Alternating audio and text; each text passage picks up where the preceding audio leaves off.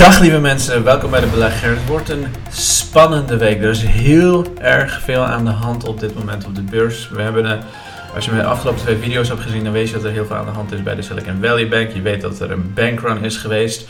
Als je ze nog niet hebt gezien, ga ze al, alsjeblieft even bekijken. Dan weet je precies, dan ben je bijgepraat. Maar als je ze al hebt bekeken, laat dan even ook een like achter op deze video. Want dat betekent dat je mijn video's waardeert. Maar goed, er is ontzettend veel aan de hand deze week. Kijk, laten we even kijken wat ons te wachten staat deze week. Ik heb er ook een artikel over geschreven op onze website. Voor de mensen die uh, lid zijn van de website, die krijgen ook wekelijks een nieuwsbrief gestuurd met uh, dit soort uh, gegevens. er zit ontzettend veel andere interessante content op, dus als je daar de tijd voor hebt, check even de belegger.nl. Maar deze week krijgen we niet alleen de cijfers van uh, de inflatiecijfers van de Bureau of Labor Statistics, oftewel de CBS van de Verenigde Staten. Nee, uh, maandag en dinsdag of dinsdag weten we ook wat er met Silicon Valley Bank aan de hand gaat zijn. Want Silicon Valley Bank is natuurlijk failliet gegaan, zit onder de FDIC Insurance um, Company. En die dragen zorg over wat er op dit moment bij, bij Silicon Valley Bank aan de hand is. En Bill Ackman heeft een tweet de wereld uitgestuurd en zegt: From a source I trust, SVB Financial Depositors will get 50% on Monday, Tuesday, slash Tuesday, and the balance based on realized value over the next three to six months. If this proves true, I expect There will be bank runs beginning Monday at a large number of non-Silicon Valley banks, of SIB banks uh, moet ik zeggen. No company will take even, et cetera, et cetera, et cetera. Dus hij zegt dat hij een belletje heeft gehad van iemand die hij kent. Uh, Bill Ackman uh, gaan we zo meteen even behandelen, maar hij heeft een belletje gehad van iemand die hij kent en die heeft gezegd dat de uh, eh, waarschijnlijk de helft van iedereen's geld op zijn minst maandag of dinsdag terug gaat betalen. Dus dat geld zit daar, een gedeelte krijgt men terug. Ik kreeg overigens ook de vraag in mijn vorige column van iemand die zegt: Ja, maar dat rokenprobleem van 84 miljoen, dat is toch best wel een groot probleem. Um, je moet je bedenken, ik, ik, minimaliseer dit soort dingen niet als ik het hierover heb. En, um, het, het, is, natuurlijk is het een groot probleem. Het is gewoon 84 miljoen dat mist. Dat is een enorm probleem. Maar ze kunnen waarschijnlijk een heel groot gedeelte daarvan terugkrijgen. Kijk, banken zijn niet zoals een Bitfavo. Uh, die compleet ongereguleerd is en dan kan elke maloot in principe van alles en nog wat met dat geld doen. Banken zijn zo strikt gereguleerd dat in dit geval, theoretisch gezien, als je even simpelweg naar de cijfers kijkt, dat ze waarschijnlijk zo'n 10% ongeveer kwijt zijn van dat geld. Ongeveer. Misschien wel meer, we weten het niet, maar niet meer dan dat in ieder geval. Um, in de zin dat als ze alles zouden moeten liquideren, dat ze waarschijnlijk um, zo'n 20 miljard aan verlies zouden leiden. Dat is natuurlijk desastreus voor het bedrijf, want ze zijn failliet. Maar die 90% krijgt men dan theoretisch gezien, kan het heel snel gaan om die terug te krijgen. Um, dus ja, het is, het, het is niet een groot ramp. Laat ik het zo zeggen. En zeker niet voor Roku, want die hebben nog 1, uh, die, hebben, die hadden 1,9 miljard cash bijvoorbeeld. Hè? Dus Ah, als, ze, als nou heel weinig hadden, bijvoorbeeld uh, in, in, in, in, allerlei andere gevallen, ja, dan, dan was het wel een uh, enorme ramp. Dus het is niet een enorm probleem in de zin van dat ik het probeer te minimaliseren. Dat is natuurlijk een groot probleem, maar het is niet een enorm probleem. Op de korte termijn hebben ze daar waarschijnlijk niet zo heel veel last van voor een bedrijfsvoering en dergelijke. En ze zullen over termijn heen waarschijnlijk een gedeelte dus ook terugkrijgen. Um, maar goed, Bill Ackman die kennen wij. Hè? Die heeft ook uh, tijdens de COVID-pandemie, toen uh, iedereen in volledige angstpaniek was, heeft hij gezegd dat er hel op komst is. En hij doet dat vaak omdat hij vaak short posities uh, opneemt. Dus als er veel angst is in de markten, als, als, als aandelen dalen, daar profiteert hij ervan. Dus hij probeert in dit geval te zeggen, ja, mensen krijgen de helft van hun geld terug. Um, en hij verwacht dat er heel veel bankruns zullen zijn, dat iedereen voor hun banken staat en dat iedereen hun geld uit die banken wil halen. Ik zou je zo meteen uitleggen waarom ik denk dat dat ja, larikoek is, laten we zeggen. Um, ik ben het niet met hem eens, maar en ik zal je precies uitleggen waarom ik dat denk. Maar dat is even wat Bill Ackmans uh, doel is vaak. Heel veel onrust uh, veroorzaken, short positie nemen en hopen dat uh, mensen happen. Overigens is het de tweede grootste faillissement van een bank ooit op basis van beheerd vermogen. Washington Mutual was in 2008 de grootste.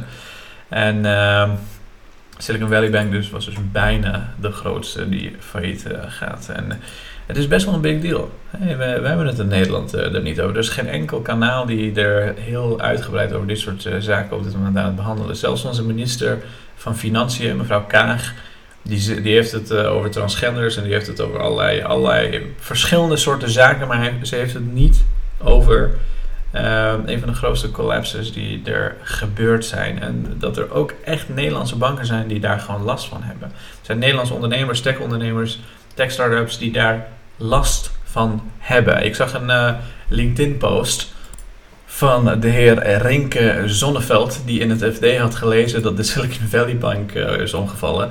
Trouwens, als je dat artikel in het FD leest, dat is echt een slecht geschreven artikel, jongens. Ik weet niet hoe het FD het continu pro, voor elkaar krijgt om zulke slechte content, zulke slechte journalistiek te bedrijven, maar het lukt ze iedere keer weer. Maar goed, er is een heel groot gedeelte van de mensen die dat soort kranten nog steeds leest. Ik uh, snap sowieso niet dat dat soort kranten überhaupt nog bestaan. Maar goed, mensen zijn ermee opgegroeid, dus ze lezen nog steeds dit soort kranten. En hij heeft in het FD gelezen dat er iets aan de hand is in, uh, bij Silicon Valley Bank. Toevallig hè, zegt hij ook dat nog maar twee weken geleden dat hij een uitvoerig gesprek had met een aantal mensen uit de top van Silicon Valley Bank. Zij waren geïnteresseerd om een Europees fonds op te zetten om meer in venture debt te gaan doen in Nederland en Europa.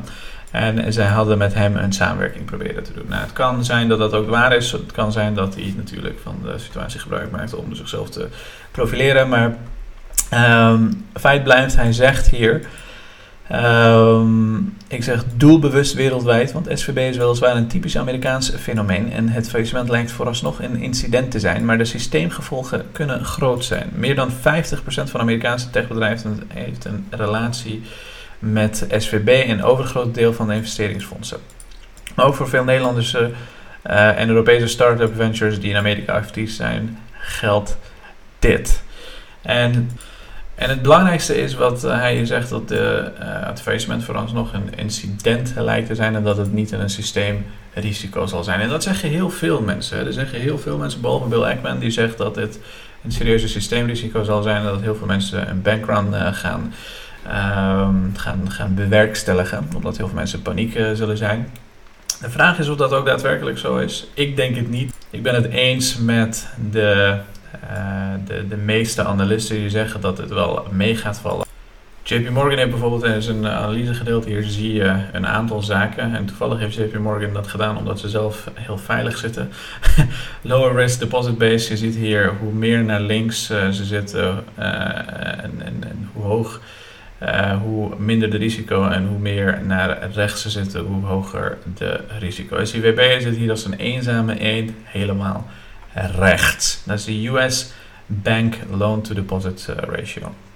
En ook als je hier kijkt, de impact of unrealized securities losses on capital ratios.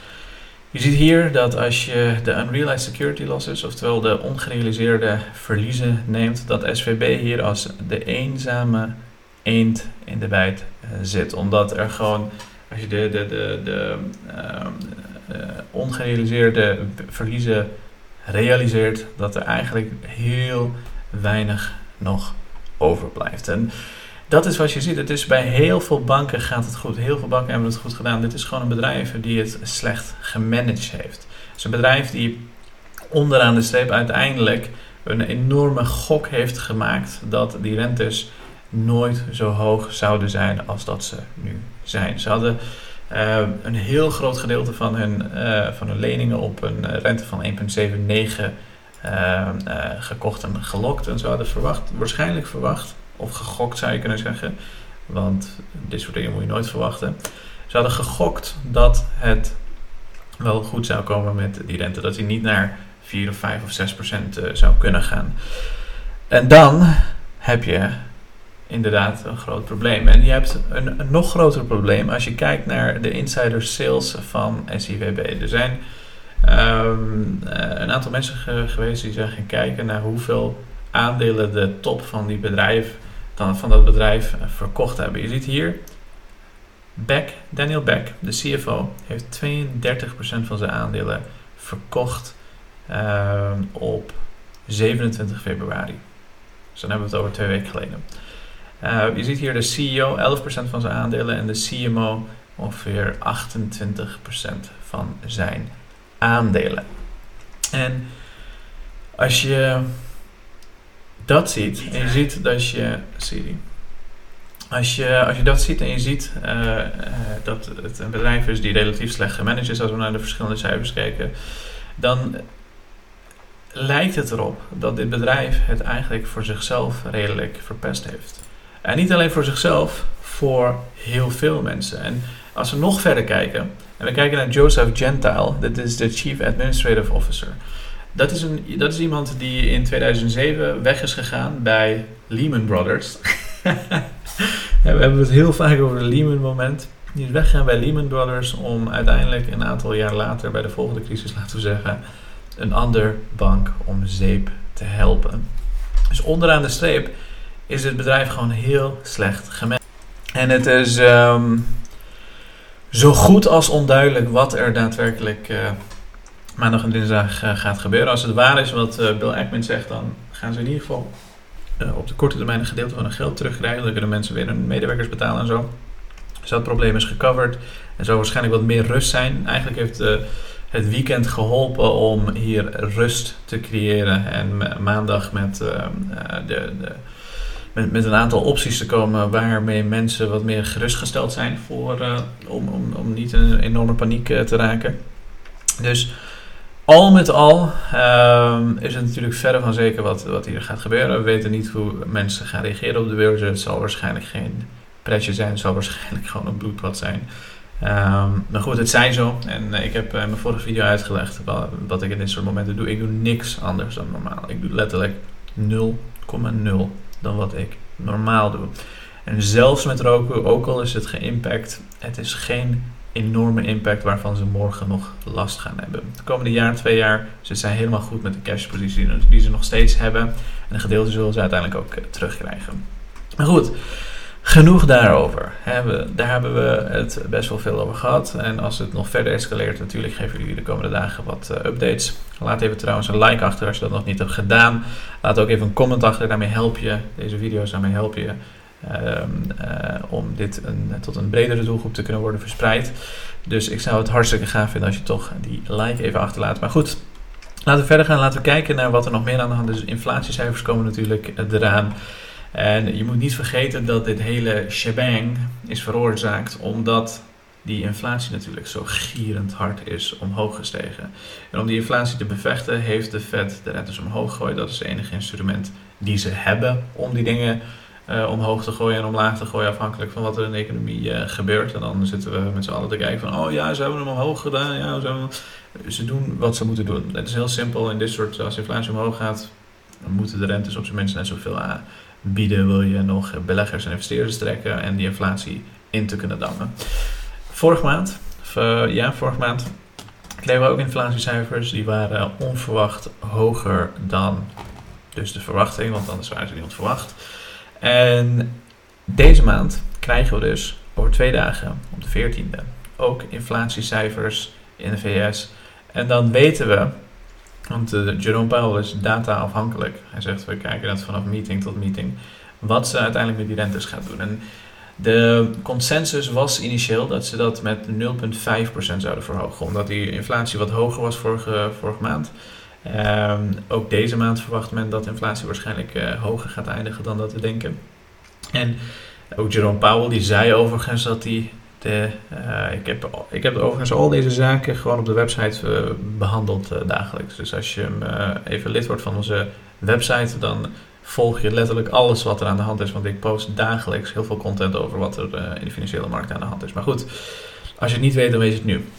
Dus, um, omdat Jerome Powell naar buiten kwam, nu zei inflatie is veel hoger gebleken dan dat we denken. Het gaat waarschijnlijk ook hoog blijven de komende twee maanden in ieder geval de komende paar maanden, eigenlijk sometime, uh, iedere keer, gaan we die rente waarschijnlijk versneld verhogen. En dus 0,5 was, was de consensus. Nu met het hele shebang in de Silicon Valley um, denkt men dat ze dat dus met 0,25 weer gaan verhogen. Ik heb hier even opgeschreven De kans op een renteverhoging van 0,5% was, uh, wordt geschat op 37% volgens CMI. Uh, maar na deze shebang is het dus nu zo'n 70%. Of nou ja, was 70%, is nu 37%. Dus de kans dat het uh, met 0,5% wordt verhoogd is kleiner geworden. Heel simpel. Wat ook interessant is om te volgen is de 2 years treasury. Ik heb dit uh, gedeeld op Instagram, dus mensen die een beetje aan het opletten zijn, die hebben het misschien al uh, gemerkt. Maar ik had gedeeld dat de 2 year treasury op dit moment ongeveer 4,5%, bijna 5% uh, geeft aan je als je hem zou kopen. Dus dat betekent dat als je aan de Amerikaanse staat je geld leende, dat je zo'n 5% kon verwachten op een tweejarige staatsobligatie. En het grappige is, diezelfde patroon zie je terug in, uh, voor de COVID-pandemie. En diezelfde patroon zie je tijdens 2008. En wat gebeurde er nou toen die Silicon Valley Bank gebeurde? De rente op die tweejarige staatsobligaties die kelderde ontiegelijk hard. Het is niet zo snel gekelderd sinds 2008 in zo'n korte periode. Uh, dus wat je nu ziet is dat we misschien wel uh, dat, dat dit specifieke metric um, een aantal goede crisis heeft kunnen, kunnen, kunnen voorspellen. Dus dat is, dat is op zich best interessant om te volgen. Ik zal jullie uh, wat vaker updates geven over, hier over de komende tijd. Maar dat is even voor je beeldvorming wat je te wachten staat deze week. Een bloedbad, heel veel data en heel veel cijfers. Ga dat artikel lezen, dus heel veel uh, interessante data en gegevens, ook uh, kwartaalcijfers en dergelijke die eraan zitten te komen.